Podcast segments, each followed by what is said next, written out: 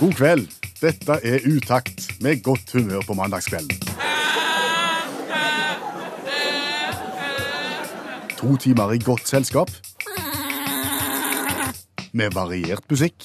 Nikorel, satt og skrev, Bæbæ, lille lam. Per Øystein Kvindesland. og Bjørn Olav Skjæveland. Jeg erklærer herved Radioprogrammet Utakt for åpnet.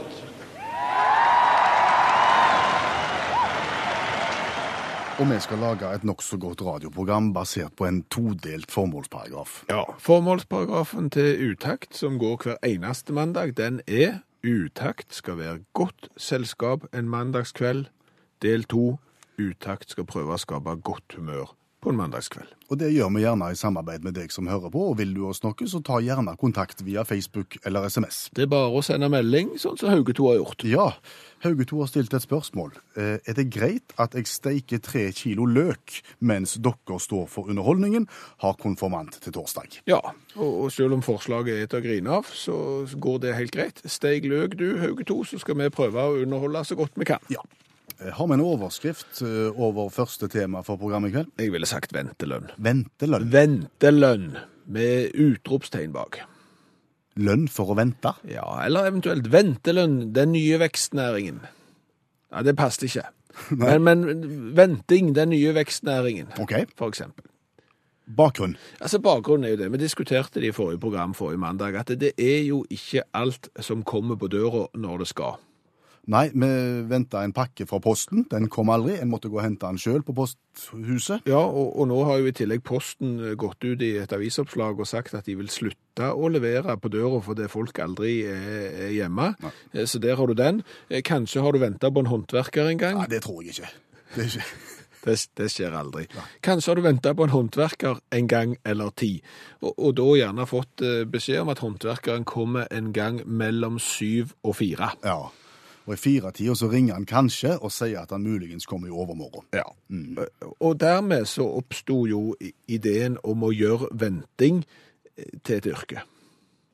Hvordan ser du for deg at dette skal foregå? Nei, men altså sånn, fordi at eh, på, på mandag som var, så, så hadde jeg elektriker som kom. Da skulle de bytte eh, måleren i sikringsskapet. De skulle bytte den gamle måleren som jeg må ned og lese av, men sånn en som leser seg av sjøl. Ja. Eh, og da fikk jeg et sånn et vindu der jeg måtte være hjemme hvis vedkommende skulle komme. Og det passet jo veldig greit, for det var en mandag, og da begynner jeg på jobb seint. Så da kunne jeg på en måte være hjemme i dette vinduet. Ja, Var det et stort vindu? Eh, Det var et par timers vindu. Ja. Eh, Men, men normalt sett så, så klarer du jo gjerne ikke være hjemme på dagtid eh, når du får beskjed om at da må du være hjemme hvis noe skal bli gjort. Eh, Og da må du kanskje alliere deg med noen eller finne en eller annen ordning. Og det er da den geniale ideen om å gjøre venting til et yrke. Altså du kan bestille deg en venter. Du vil lønne et menneske for å sitte hjemme og vente for deg. Ja. Vil du betale godt? Jeg vil betale mindre enn det jeg får i timelønn. Eh, Fordi at jeg, det må jo svare seg for meg å ikke ta fri. Ja. Så, så det, må være litt, det må være litt mindre enn det som jeg tjener. Samtidig så, så er jo venting det, det er jo en ganske behagelig jobb. Iallfall hvis, hvis jeg som oppdragsgiver til venteren legger forholdene til rette. Så hva vil du tilby av fasiliteter da? ja, ja, altså, jeg, jeg for eksempel i mitt hjem kan jo tilby stort fjernsyn, eh, voksent lydanlegg, eh, kaffemaskin, Til, til fri benyttelse? til fri benyttelse og flott utsikt, for eksempel. Så det vil jo være det, det jeg kunne lokke med da, til en som eventuelt ville bruke dagen på å vente. Men hva for noen egenskaper må venteren som du vil hyre, ha? Tålmodighet. Ja, Det skjønner jeg. Det, det må en ha, for du risikerer jo fort at du, at du venter til ingen nytte. Du kan jo risikere at du kommer klokka syv for å vente mellom syv og to, og så kommer jo ikke håndverkeren klokka to heller. Så må du, da, og da har du jo venta til ingen nytte. Ja, og da skal du kanskje ha evnen til å ikke miste motet, og ikke miste humøret? Ja, og samtidig så syns jeg jo at du bør være et ordensmenneske. Ja. For det er klart du har ikke lyst til å ha inn en venter i huset som tar seg til rette og rett og slett roter. Nei. Det, det vil du ikke. Sånn, så du, litt ordenssans må du ha. Og egentlig så har jeg litt lyst på en venter med plettfri vandel. Ja, du, du vil, vil, du ha framlagt politiattest? Det Trenger nødvendigvis ikke gå så langt, men, men iallfall ha, ha med seg noen gode skussmål. F.eks. fra andre du har venta for. Ja. Så, sånn at jeg ikke risikerer å komme hjem til at håndverkerne har vært der, og det var ingen hjemme, og det er heller ikke TV på veggen lenger. Altså, Kjeltringsventere, det skal, det skal vi ikke ha. Nei, det, det, det vil jeg ikke ha. Nei. Er det andre utfordringer vi ser for oss her? Ja, jeg, tror, jeg har jo tro på dette. Ja, jeg skjønner det. Eh, Men, men det er klart at i det øyeblikket venting blir den vekstnæringen som jeg ser for meg, at Ja. det rett og slett blir lukrativt å være profesjonell venter, Ventebonanza. ja, Ja. så kan du fort bli grepen. Som venter. Ja, og, og da risikerer du at du eh, vil vente for flere på en gang. At du tar på deg for mange venteoppdrag. Og da, og da passer det ikke. Hvis du må forlate mitt venteoppdrag for det du har et annet venteoppdrag klokka tolv altså, sant? Det, det må ikke bli for populært heller. Du, du må ta ett venteoppdrag av gangen. Det er nok det trikset. Og du hører utakt i NRK P1, som har en formålsparagraf som lover godt humør, og som lover godt selskap på en mandagskveld. Men jeg tenker, vi er ikke utelukkende kommet her for å ha det kjekt. Nei, vi må eh, få lov til å benytte radiotida til òg å ta de vanskelige spørsmålene, og rett og slett komme med en advarsel. Hvem er det du vil advare mot i kveld? Bonniem. Nå er det nok flere enn meg som tenker at du er litt utydelig. Ja, eh, og, og greia er det at Bonnie M, orkesteret Bonnie har hatt ganske mange medlemmer inne i Bonnie I tillegg så har de hatt ganske mange studiomusikere som har kommet inn og opptrådt som Bonnie i studio. Mm. Helt siden 70-tallet, når de begynte dette her. Ja, og, og det har jo da medført at når han i badebuksa Han er jo falt fra, okay. dessverre. Eh, Så, så har mange av disse som var inne og opptrådte som Bonnie M, de har starta sine egne Bonnie M. Akkurat. Så de turnerer som Bonnie M.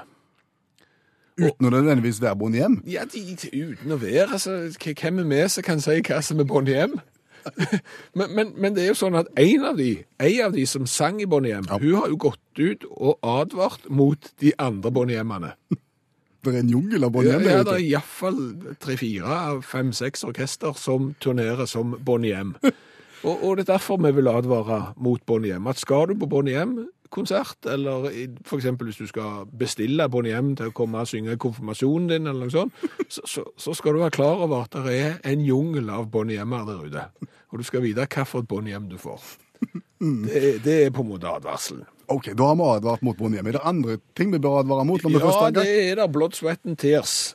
Fordi at du kan si, nå har ikke Blood, Sweat and Tears blitt sånn som Bonnie M har blitt.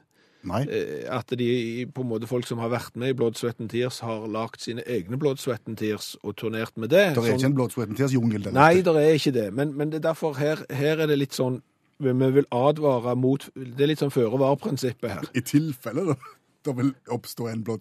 Ja, skjønner. Ja, fordi at Bonnie hjem var mange folk, Mm. tidvis.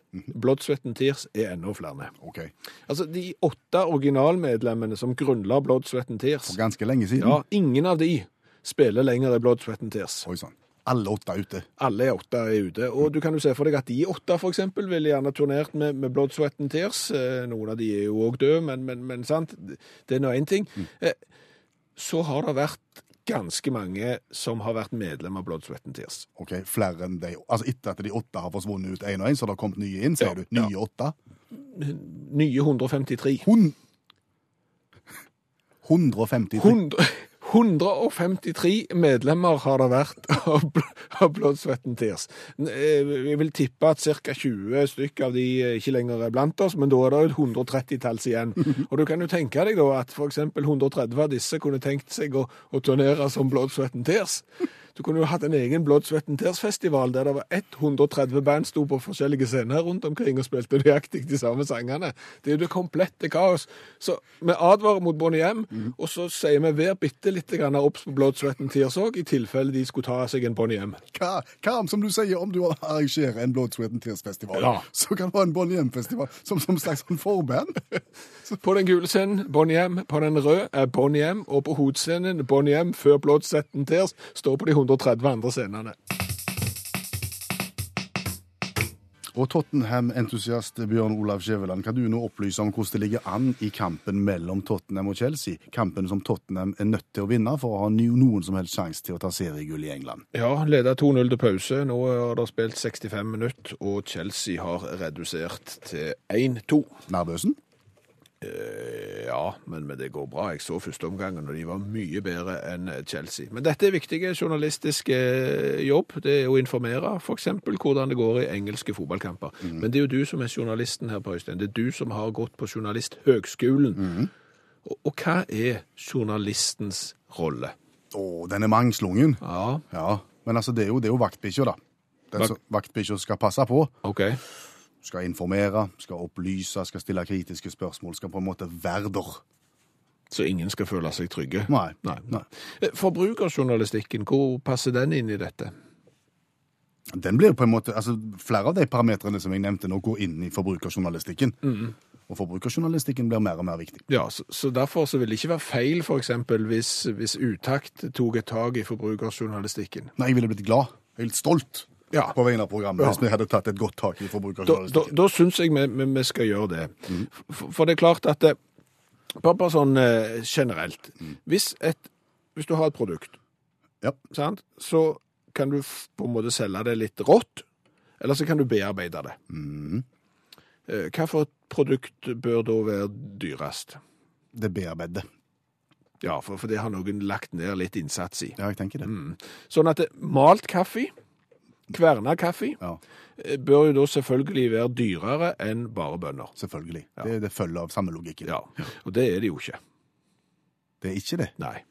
Kaffebønner, ferdig ubehandla kaffebønner, er dyrere enn malt kaffe Ja, i kooperativen din. ja altså, på, på den eh, som begynner på R og slutter på 1000, eh, som jeg sokna til, og jeg sjekket flere typer kaffe, ikke bare ett merke, jeg sjekket tre typer, og, og bønnene, bønnene, de var dyrere enn malt kaffe i alle tre tilfellene. Så når jeg da kjøper kaffebønner, tar de med hjem og kverner de selv, så skal jeg selvfølgelig honoreres, mener jeg.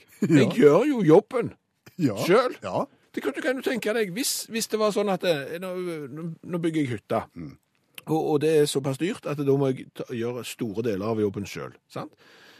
Så da skal du jeg belønnes. Jeg skal få lavere pris på hytta siden jeg tar alt det innvendige sjøl. ja, gjør du det? Jeg håper du gjør det. Ja, ja, jeg gjør det. Ja. Sant? Skal du følge logikken her til kaffebønnene, så s- skulle det jo vært dyrere hvis jeg gjorde det sjøl. Mm. Og så skulle jeg betalt mye mindre hvis snekkerne tok det innvendige òg. Det, det, det hadde jo ikke skjedd. Nei. Så e- egeninnsats må jo belønnes, Mm. enten det er kaffebønner eller andre ting. Hva med refill versus ferdige glass? Ja, Der har vi vel òg Jeg håper alle disse produsentene nå hører på dette kritiske journalistiske programmet som er kalt Utakt. For- For det er jo faktisk sånn at kjøper du et glass med frysetørra kaffe, Mm. så er det i kilopris billigere enn å kjøpe refill etterpå. Og kjøper du refill, da har du bare pose og ikke glass? Ja, og, og, og det gjør du jo for at du ikke skal bruke så mye emballasje. Det skal være et miljøvennlig alternativ, og da må jo det selvfølgelig være dyrere enn det. Nei, må dere skjerpe dere. Det går ikke. Nei. Det er mange forklaringer. Det handler om volum og alt det der greiene der. Og ja, men vi selger mye mer av den andre. Vet du, høpp! Kan jeg få dra en Grandiosaen helt på tampen? Du sånn? kan få lov å ta Grandiosaen, jeg vet hvor du vil, og jeg er hjertens enig. De tok vekk paprikaen Ja. fra Grandiosa Ja. I den forretningen som begynner på R og slutter på 1000. Ja. De tok vekk paprikaen, jeg gjentar det. Ja. Mm. De tok vekk deler av pizzaen, og de satte opp prisen kraftig. Ja. Hvor er logikken henne? Og litt tidligere i programmet så advarte vi mot Bonnie M. Ja, du skal vite hva for et Bonnie du faktisk eh, bestiller, for det er ganske mange Bonnie og har nå fått en SMS fra et eh, Bonnie eh, ett av de, eh, spilte i Gandal bydelshus for ca. fem år siden i en 40-årsdag. Så Bonnie spiller i 40-årsdager den dag i dag. Ett av de. Ett av de, ja. Ja. Vi vet ikke hvilket. Vi vet ikke hvilket. Nei. Det vi vet, det er at hver eneste mandag så får Utakt besøk av allmennlærer Olav Hove. Allmennlæreren med to vekttall i musikk. God kveld, Olav. God kveld, god kveld. Og vi inviterer deg fordi Vi inviterer han fordi at eh, han har jo greie på ting som vi ikke har greie på, og klart det, han er allmennlærer, to musikk, opptatt av at elevene, studentene, skal ha det best mulig. Ja. Og da er han jo opptatt av hvordan studentene skal finansiere utdanningen sin framover. Ja, for det er mange som i disse dager søker om stipend og lån og slike ting, og om legat. Og vi vet jo at det kan være litt komplisert å få sånn legat, og lån er jo dyrt. Så derfor så må en tenke litt utenfor eh, stipendboksen. Ok, Så nå vil du eh, lansere en del stipender, legater, som det vil være smart av ungdommen å søke på? Ja, og det er jo sånn internasjonale, da, kan du si, så du må liksom ut i verden for å søke på det her. Men, men fortsatt så, så, så det er mulighet for norske studenter å gjøre det. Og, kan jo begynne med National Potato Council i eh, USA. Det er da, kan du si, NHO for potetindustrien. De gir eh, 80 000 kroner til en student som planlegger å utdanne seg til noe som kan gi positive utslag for den amerikanske potetindustrien. Det høres jo ikke ut som et eh, typisk stipend en nordmann ville fått. Nei, jeg vet ikke heller. Det har vært litt forskjellig. Altså, I fjor så vant jo, eh, jo piken med det litt døråpnende navnet Shun Ping Ding. Eh, eh, hun har tatt ph.d. i studentpatologi, nei, plantepatologi. Altså, poteter er ikke døde når du tar opp, men hun er døende. da. Så hun har på, på en måte utdanna seg som, som ekspert i på en måte livsforlengende behandling av poteter. Og hun fikk stipend? Lindrende enhet. Ja, hun fikk stipendet på, eh, på Potato Expoen i San Francisco. De har Expo annethvert år, og så har de årsmøte da, eh, annethvert år. Så det er kanskje noe for nordmenn med å gå på poteter. Folk fra Toten spesielt. Så jeg kjenner flere som har greie på poteter der. DePaul-universitetet i Indiana de har noe som heter The Icy Frost Bridge-stipendet. Jeg aner ikke hvorfor det heter det, men det går til en kvinnelig student som kan synge eller spille den amerikanske nasjonalsangen. Har ikke noe å si om nivået på det i det hele tatt. Eh, Framføringsevne vil bli vektlagt til en viss grad. 5000 kroner kan du få det, og det er vel vel verdt å øve da, tenker jeg. Bare for å kunne den amerikanske nasjonalsangen? Ja. And the home of the free Ja, Så er Kaching, så har du det inne, vet du. John Mill Memorial-stipend. Jeg vet ikke om de kjenner til John Mill. Jeg.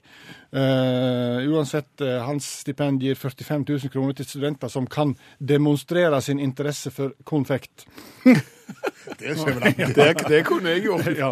Faktisk ganske intenst òg, min interesse for konfekt. Ja, da er du halvveis, for må òg være litt interessert i konfektteknologi. Eh, John Mill var jo, en, som de fleste vet, en velkjent konfektforsker. Var det i 43 år. Eh, døde i 2009, og da ble det oppretta et stipend for konfektglade studenter. Og det er jo lett å få, tenker jeg, når du er altså, De fleste av oss er interessert i konfekt. Ja. Så har du det nasjonale biffambassadørprogrammet, som du kan melde deg på. Amerikansk da òg. Det, altså det, det er et stipend, men det er mer som en sånn taleskrivingskonkurranse for ungdom. Da Eh, Da skal du eh, skrive en tale der du skal tale vel om oksekjøttets fortreffelighet både kulinarisk og ernæringsmessig. Vet jo ifølge Biff-ambassadørene at det er mye feil info når det gjelder rødt kjøtt. Eh, Det er utrolig mye mer sunnere enn du skulle tro. Ja. Det er juniorklasse og en seniorklasse der, så allerede til og med 14-åringer kan søke der. Uh, og, og, og da var det 50 000 kroner som venta til vinneren, og det er hele fem vinnere. Og på toppen av The Crans Cake så kan dette her føre til at en kan gjøre en karriere og bli på sikt heltids-biff-ambassadør. Og heltids-biff-ambassadør, altså. Det luftes ut. Det er rått. Det har vel hendt før i dette programmet Skjæveland, at vi har gått litt høyt ut, og så har vi måttet uh, ta, ta oss litt inn igjen etter hvert. har vel hendt at vi har ment ting som har vært ikke helt holdt vann, ja, og at det har blitt et lite mageplask. Det har vel hendt at vi har lansert nyheter og gründerideer som, som gjerne noen har tenkt på før. Ja. Så også i dag. ja, fordi vi etterlyste jo venting, eh, profesjonelle ventere, som kan sitte hjemme hos deg eksempel og vente på en håndverker som ikke kommer. Eh, Petter Andreas eh, han har da sendt en melding. Eh, Hei, jeg bor i Italia og vil bare informere om at i Italia så er venting et yrke. Nei. Jo, det er beskytta av nasjonalt regelverk, og de har fastsatt minimumtariff. Og, og, og du må ta et kurs, I venting? I kurs i venting, ja. Du må si, kan du sitte i ro der? Mhm, sitt sånn, ja. Sitt. Og, og du må selvfølgelig ha plettfri rulleblad. Det er obligatorisk. Å bli. Obligatorisk. Å bli. Jeg vet det, det er obligatorisk, men det er mye tøffere å si obligatorisk. Det er litt sånn humanetikkere. Ja, det- tøffere enn humanetikkere. Ja, det vil heller være humanetikker, ikke humanetikker. Men dette er jo veldig spennende informasjon, eh, Petter, og, visstnok så heter det å være en venter i Italia, dette kodisti. Så ikke si at du ikke lærer noe av å høre på utakt. Det, det burde være obligat... Og for ei uke siden Kjøveland, så diskuterte vi straksing i programmet.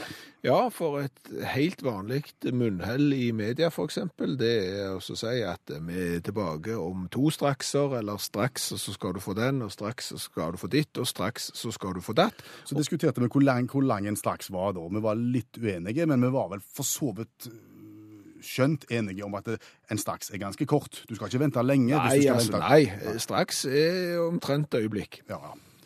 Og ikke lenge etter at vi hadde lansert straksteorien vår, så fikk vi da internasjonal henvendelse til programmet.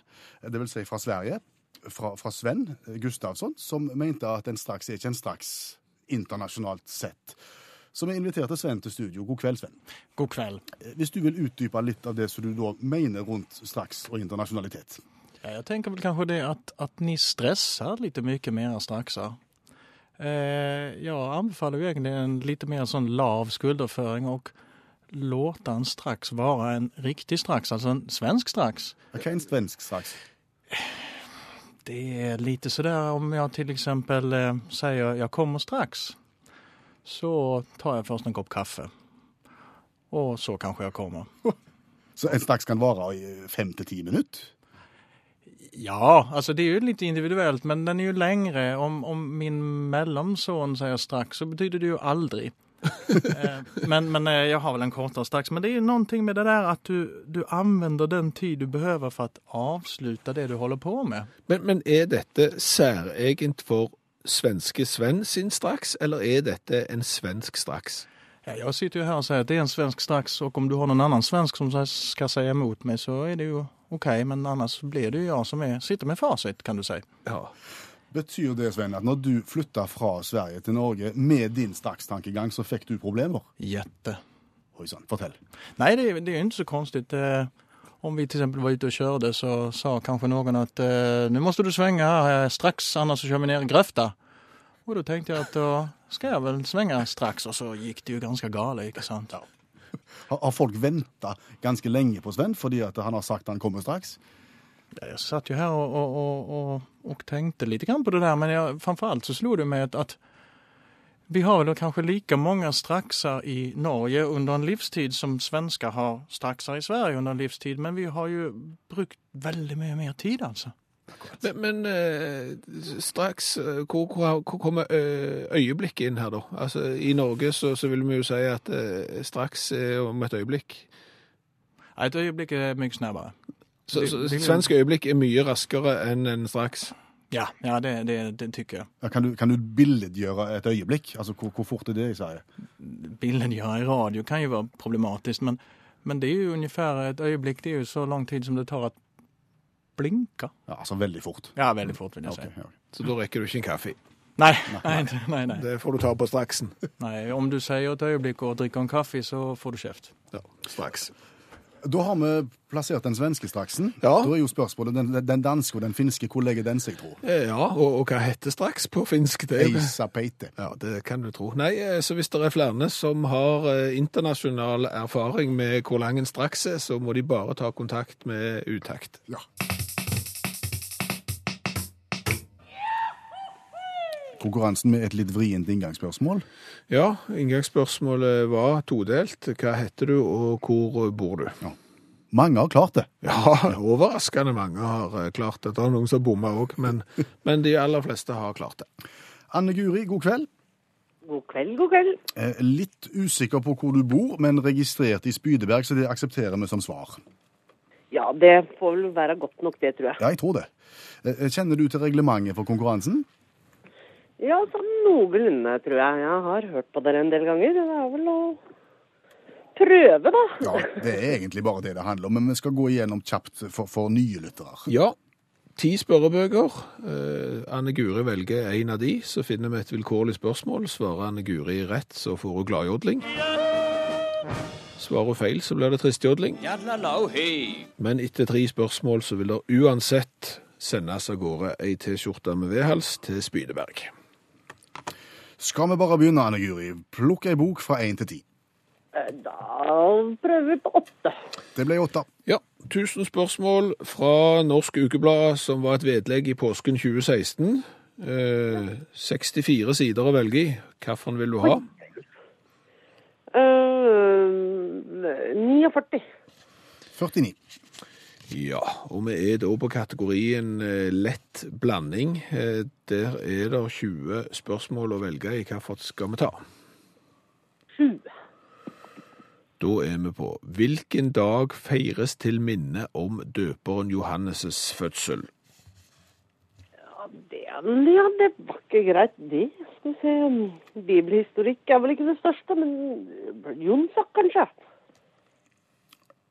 Nå var det en litt nølende melding fra, fra juryen. men, det, men det er fordi jeg er litt usikker sjøl. Ja. Kan, kan man se på hva svaret sier? Ja, det sier sankthans. ja. Nei. Eh, Jonsok og sankthans, er det det samme? Det burde jeg kanskje visst. Jonsok og sa Ja, men Vi sier ja. Enten får vi kjeft nå, eller Men, men Må men- ikke blande olsokk oppi dette her, skjønner du. Det er forskjellen. Ja, OK. Jonsok, ja. Sankthans. Ja, hadelandsk, vet du. Da sier vi Jonsok, og da later vi som det er sankthans. Ja. Den, den er god. Stoler på det. Ja, men det var jo en bra start, kanskje. Kan hende det var en god start, vi er ikke sikre. Eh, vi har ni eh, spørrebøker igjen, Anne Guri. Hvilken skal vi gå på nå? Uh, uh, Ni. Vi går på ni. Yep. Spørrebok for leseglade damer. Er Anne Guri leseglad? Ja, men da snakker vi vel mer litt sånn eh, kiosklitteratur, sånn husmorporno og sånt, da. OK. okay. Da, er vi, da håper vi at vi kan havne i det lendet der i, i boka her, men nå skal vi se. Ikke er sikker på det. Hva, når du sier husmorpornografi, er det forskjellige nyanser av grått og sånn, da? Det er det, altså. Så der, eh, dere har noe å hente der. OK. Det er mye bøker, altså. Ja, det er det. Da ser vi. Eh, 140 Serier. Leseglad for, bok for leseglade damer. Sidetall nummer eh, fra 1 til 144. Uh, 62. 62. Burde jeg sagt at det var 40 nyanser av grått, men det er ikke det. Det er nemlig hvitt rom. Hvitt rom, ja. Ja. Det hvite rommet. Det hvite rommet, spørsmål 1 til 8. Eh, Fem.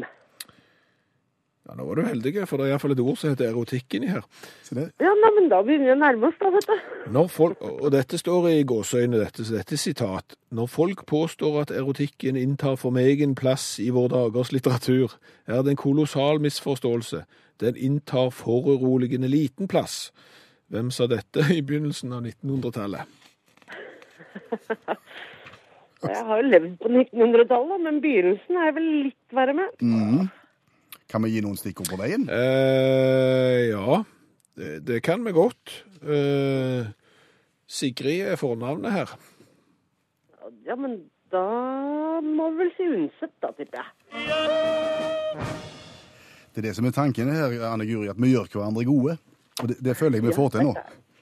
Dette blir et enormt samarbeid, altså. Ja, det er og da er det bare ett eh, spørsmål igjen, så er vi i mål. Og hvilken bok skal vi ta da? Da har jeg åtte igjen. Da begynner vi på én. Begynner på én. Oi. Barnas egen spørrebok, nummer ni. Den er fra det herrens år 1963, hvis jeg ikke tar feil. 1965, ja. 1965. Var du, hvor, hvor var du påtenkt? Var du, hvor var du i 1965? Jeg tror ikke jeg helt var påtenkt, altså. Det var kanskje et mer arbeidsuhell et par år seinere, kanskje. Det er veldig fort gjort, Anne Guri. Du, Ja, det var gjerne mor hadde vært og kjøpt seg bok, og så førte det Ja, ene det til det andre. Ja, det var kiosklitteraturen, da. Et produkt av overdreven bruk av kiosklitteratur. Sånn kan det gå. En kioskvelter der, altså. Ja. 48 sider, eh, Anne Guri. Hvilken skal vi ta? Da tar vi side én. Ja, Da er du egentlig ikke forbi innholdsfortegnelsen, men første side med spørsmål kan vi ta. Fra fantasien og eventyrets verden. 21 spørsmål. Ja, vi går for å være en ener hele veien, så da tar vi vel en, da. Ja. Hva heter byen der Donald Ann bor? Å, oh, neimen da er vi jo på Andeby. Den var vrien, men den klarte du fint. Den var tøff, altså, men det er noen år med Donald kjøpt på nærbutikken, altså. Du kjøper mye litteratur på nærbutikken. Det er mye. Det er mye fint å kjøpe der, vet du. Men jeg må jo innrømme at jeg følte denne spørreboka er ganske gammel når spørsmålet er hva heter byen der Donald Ann bor? Men eh, Han er vel bedre kjent som Donald Duck? det, er han er nok det. Jeg, jeg kan ikke huske han het Ann, jeg heller, men eh, Men eh, hun Anne Guri, når hun ikke er med i konkurransen på utakt og ikke leser bøker, hva gjør hun på da? Da jobber jeg som hovedsikkerhetsvakt mot jernbanen. Og da hender vi er ute og jobber om natta, vet du. Da er det NRK, da, med utakt. Så bra, så bra. Så da er du på sporet av noe godt. Da er jeg på sporet av noe godt, vet du. Da går alt på skinner. Oh, ja, ja. Sånn kunne vi fortsatt lenge. Da må du ikke pense over til en annen kanal, det er viktig. Nei, nei, vi holder oss under disse bensa, vet du. Det, det blir bare ugreit. Så vi holder oss på den eh, veien vi kan. Og så kan vi fortelle det at eh, det hender at det er delegasjoner av folk som er på besøk i eh, NRK-lokalene i Stavanger hvor vi jobber. Litt større eller mindre delegasjoner som går rundt og ser på ting.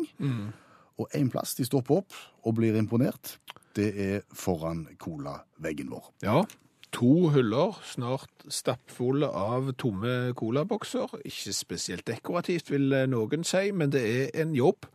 Det er faktisk det, og, og det er gjort for deg som hører på radio, at vi har smakt på alle disse colaboksene og stilt de ut. Nærmer seg 100 varianter, colavarianter fra hele verden, og fortsatt så er det mange vi ikke har smakt på. Eh, foregår på følgende vis. Vi smaker, eh, vurderer smak, vi ser på design og vurderer det og gir en totalsum, og så blir dette en rangering etter hvert. Og alt sammen er jo basert på cola vi får inn fra deg som hører på radio. Ja, og grunnen til at vi gjør det er jo fordi at nordmenn er stadig på tur. Vi reiser oftere, og vi reiser ofte langt, og da skal du vite, eksempel hvis du kommer til Abu Dhabi, eller ja, tar deg en tur til de forente arabiske emirater, skal jeg eksempel drikke Campa-colaen? Det skal vi finne ut for deg i kveld, for det er Campa-colaen som skal under lupen. Ja, og jeg har prøvd å finne ut litt om Campa-colaen, og det var ikke lett, for eh, den hjemmesida som eh, Campa-cola har opplyst på baksida av boksen, den var sperra. Sånn. Så kanskje driver Campa-Cola med, med å, sperre nettsidene for internasjonal trafikk, eh, ikke vet jeg. Men eh, han er iallfall tappa og lagt i De forente arabiske emirater. Og vi kan ikke la oss stoppe Nei. av, av stengte nettsider. Nei, det kan vi ikke. Vi lar oss ikke sensurere vekk fra å smake på Campa-Colaen. Nei, det er ikke det. En rød boks, han er faktisk colarød, og han har litt eh, de samme svungene på bokstavene som colaen, Coca-Colaen har. Eh, men han har i tillegg en bråde med arabiske bokstaver som vi ikke forstår i det hele tatt. Nei. Men fargene, som du sier, den klassiske rød og den klassiske grå-hvite. Han ser ganske lik ut originalen. Ja. Og det skal de ha, eh, de fra Emiratene, de har fus i Emiratene òg. De har eh, virkelig ikke spart på kullsyra. Det- Og da er vi spente. Er han, Fargen er kålsvart. er han avkjølt? Veldig.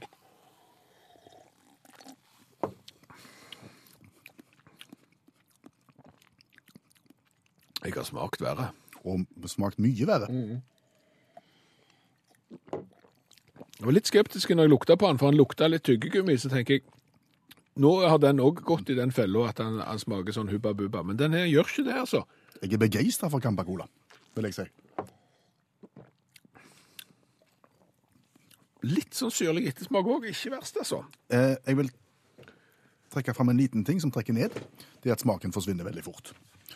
Igjen, det er et klassisk problem med disse colaene vi har vært igjennom. De smaker mye med en gang, og så vits, er vekke.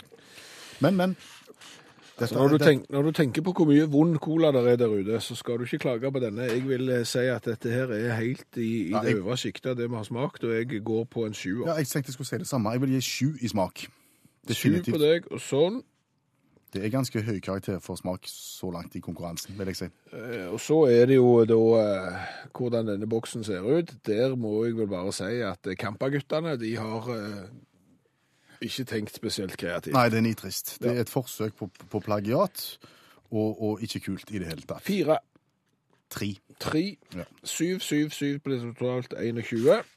21 poeng totalt. Altså Her skårer han høyt på, på, på smak, men falt igjennom på design. Ja, så han ligger eh, oppe der, plassert seg bak eh, Hiroshima-colaen fra Japan og eh, den franske Planet-colaen. Ok. Eh, har du lyst til å se alle variantene vi har vært igjennom, og, og, og rangeringen av dem, så kan du gå inn på vår Facebook-side. Søk opp Utakt med skråblikk i fokus. Var det mer, da? Så skal jeg legge ut bilde av den, jeg. Gjør det. 你不会说中文吗？没问题的，语 takt 要教你。 Skjønner du ikke kinesisk? Ingen problem, utakt vil lære deg. Eh, nok en liten kinaleksjon i programmet Skjæveland, for det er det Kjersti forteller oss om på vignetten her, bare at hun sier det på kinesisk. Ja, og kineserne har jo en egen evne til å si det, nettopp på kinesisk. Det var helst det vått ute. Hæ? Jeg ser ut, det auser ned, og det har vært kaldt i dag. Å, i dag har det vært så kaldt. Det har vært. Uff, ja, det var kaldt. Og nå tror kanskje noen at vi snakker oss vekk. Men det gjør vi egentlig ikke. Fordi vi snakker om, med nordmenn når vi møtes, og ikke har så mye å snakke om, så snakker vi gjerne om været. Det var kaldt. Ja. Hvis vi møter en kineser som vi ikke har snakket med før, eh, hvordan skal vi henvende oss til vedkommende? Kjersti, god kveld forresten. Hvordan henvender vi oss til kineseren? Med været, vil det være greit? Jeg tror heller du skal si Hva sier jeg da? Det sier 'har du spist'? Har du spist? Er det det som er smalltalken eh, for kineserne? det er nesten som å si 'hallo' på kinesisk når du eh, treffer noen. Så istedenfor å si 'ni hao', som kanskje er vanlig, så sier du 'chillama'. Litt mer sånn uformelt. Og, og da svarer du nei, kumle med, med bacon og, Nei, da- kaffekopp etterpå? Da vil jeg nok le av deg hvis du begynner å fortelle dem om hva du har råd til lunsj eller eh, middag. Du sier bare 'chilla' eller 'meyo'. Og da sier jeg Da sier du enten at du har spist, eller at du ikke har spist. og altså, De er ikke interessert i menyen, det er bare Nei. om jeg har spist. Nei, det er litt sånn der eh, Som når, når du spør eh, hvordan går det, Mhm. så skal du ikke begynne med den der jo, nå skal du høre. Sånn og sånn og sånn har skjedd. Hvis det er noe du ikke kjenner så godt, sant? Nei, Da skulle du ta den der generelle. Det går greit. Ja. Akkurat. Det er det samme. Du, jeg har spist, eller jeg har ikke spist. For det er jo sånn at når vi snakker om været, så har vi jo faktisk noe å snakke om, og da diskuterer vi det gjerne. Men, men her er de bare egentlig ikke interesserte.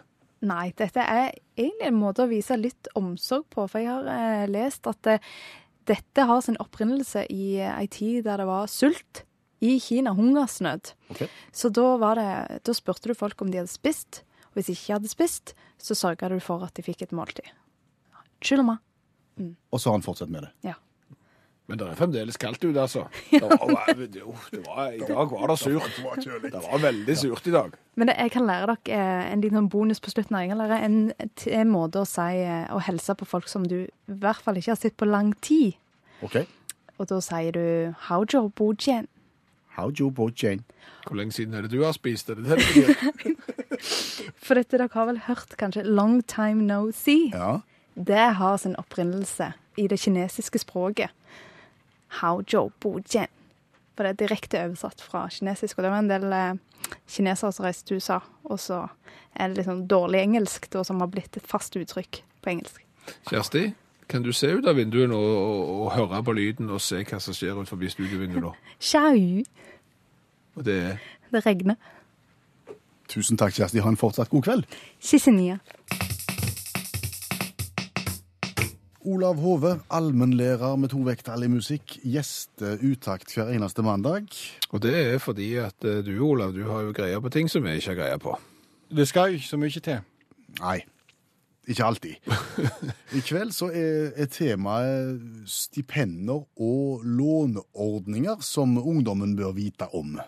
Ja, det, det, det er vel sånn, Olav, at eh, studentene de trenger penger for å studere, og der eh, har du et par forslag til, til hva de kan søke penger om. Ja, Begynner med mykologi. Den amerik amerikanske mykologiorganisasjonen. Um, Hva er mykologi? Er det gresk mykologi, eller? Ei mykologi, er, mykologi er, det sier seg sjøl, for det gir 16 000 kroner til studenter som er, Som vet hva mykologi er? som er interessert i sopp. Er det ja, sopp? Ja, læren om sopp, det er mykologi, da. Um, vi vet jo spesielt på 60-tallet at det var mange amerikanske studenter som hadde en usunn interesse for sopp. og dette er for de som har en sunn interesse for sopp. Eh, eller spore, òg står det her. Spore òg gjelder. Eh, med dispensasjon for lav- og treskjegg. For de som er enormt opptatt av slikt, så kan de få dispensasjon. Men allikevel Hvor mye penger kan du få for å være dypt interessert i Lav og treskjegg. 16 000. Men, og i år, det, det Poenget mitt her, da, gutta, er at i år er det ute etter studenter som vil jobbe med ølbrygging. Ja, sant? Hvor vanskelig kan det være å finne? Nei, det er jo alle sammen. ikke sant? Samtlige er jo interessert i det. Så det kan jo bli mange søkere, da. Eh, men, men, eh, men det er utvikla ulike gjærtyper for god smak. Det er da det er midt i kjerneområdet og oss som er opptatt av mykologi. Ja. Ja. Langemannsstipend har de òg. Toll Club International gir altså 8000 kroner til eh, en utvalgt mann over 1,92, som er student, må det være. eh, Eller kvinne over 1,82. Eh, Hadde jeg visst om dette når jeg vokste opp, så skulle jeg jo eh, absolutt ha satsa på det. Du hadde ikke sittet med det skyhøye studielånet ditt nå da. Nei, nei, nei. Jeg hadde vært i en helt annen posisjon, det er ikke det tvil om. Uh, Røst i bevegelsesstipendet. eh, 24 000 kroner til den som lager beste film om hvordan, hvordan rust påvirker stålstrukturer. Uh, Nace International, visstnok. Jeg aner ikke hva de driver med, men det er de som betaler dette her. Uh, humor blir vektlagt. Og jeg tenker med rust i bevegelse, det er Det er løye. Ja, Det er- Da tar du bare bilde av et småfly som lander på Den røde plass, så har du rust i bevegelse, og så har du kjempefin film. Sånn perfekt, sant. Ja. Så det er bare å søke 24 000, og så tar du et eller annet studium. Perfekt. Foreningen for vakuumpakking, det finnes faktisk da. Det er ikke tull engang. Uh, og de gir et stipend på, på 28 000 kroner til studenter som er interessert i vakuumpakkeindustrien. Eh, spesielt interessert i vakuumpakkeindustrien. Det er visst en svær industri. Det er visst ikke måte på hva som kan vakuumpakkes. Eh, eh, størrelsen på stipendet har variert litt mellom år til år, eh, men, men karrieremulighetene er store, da. Komitélederen heter Hanna Barankova, professor ved Uppsala universitetet i Sverige, så nordisk innslag på vakuum. I år er det spesielt effekten vakuumpakking har på fisk, som visstnok er formidabelt. Um, og, og, og kanskje, hvis du tenker litt framover, så kan vakuumstipendet være noe for å stå nemlig på nettsiden at et vakuumstipend på CV-en vil gjøre underverker for dine fremtidige jobbmuligheter. Og en vil jo ha jobbmuligheter i framtiden. Ellers så Så et skrikende behov til folk som kan vakuum i framtida, det er det du sier? Ja. Ja. Fort, eh, i et, ja. Hvis du har havna i et vakuum. Ja, fort, fort luftigere ut av deg hvis ikke du søker.